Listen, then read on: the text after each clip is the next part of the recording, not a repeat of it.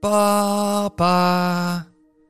Ons nachtegaaltje van vijf lokt mij met haar stem als een sergeant-majoor uit bed. Annelies mag blijven liggen vanochtend en ik wil haar graag haar rust geven. Ik kijk op de klok, zes uur. Mijn wekker zou om kwart voor acht gaan, want ik was heel hard toe aan wat rust. Het is donker en koud als ik me naar de kamer van mijn dochter haast. Enkele uren later zit ik op de fiets na te denken over hoe ik me eigenlijk voel. De schoonheid van de kleurrijke bladeren aan de boom vermengt zich met de somberheid van de bladeren die die strijd al hebben verloren. Herfstblues. Als mijn gevoel deel met Annelies, stelt ze me de jaarlijks terugkerende vraag: Heb je weer je herfstdipje? En ik knik. Ik vind er niks aan, zo'n herfstdip.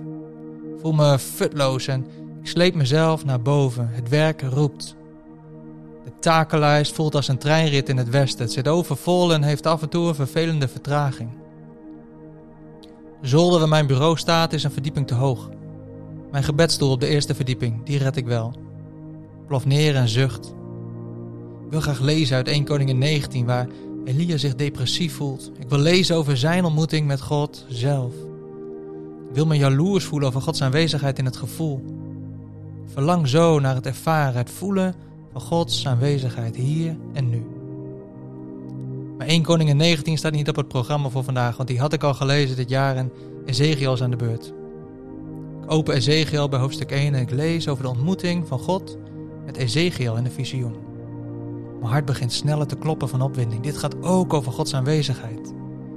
Ik lees vanaf vers 26. Nadat hij een poging heeft gedaan om levende wezens te omschrijven als gewelven, schrijft Ezekiel dit. boven het gewelf dat boven hun hoofden was, was iets met het uiterlijk van een saffiersteen. Iets wat leek op een troon.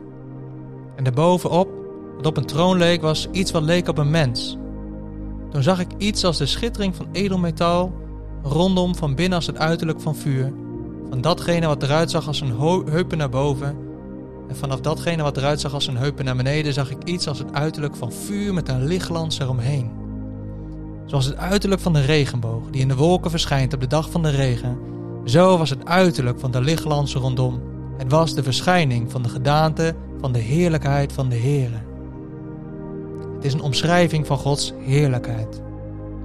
Een omschrijving die alleen maar woorden kan vinden als het was iets als een. Geen vergelijking komt echt in de buurt, maar Ezekiel moet er de woorden voor vinden. De omschrijving komt het best in de buurt van hoe God hem daar ontmoet en ik geniet.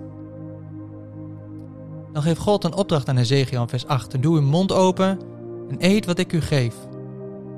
Dan krijgt Ezekiel een boekrol. Er waren klaagliederen, zuchten en weeklachten opgeschreven. Ezekiel opent zijn mond in het visioen en eet.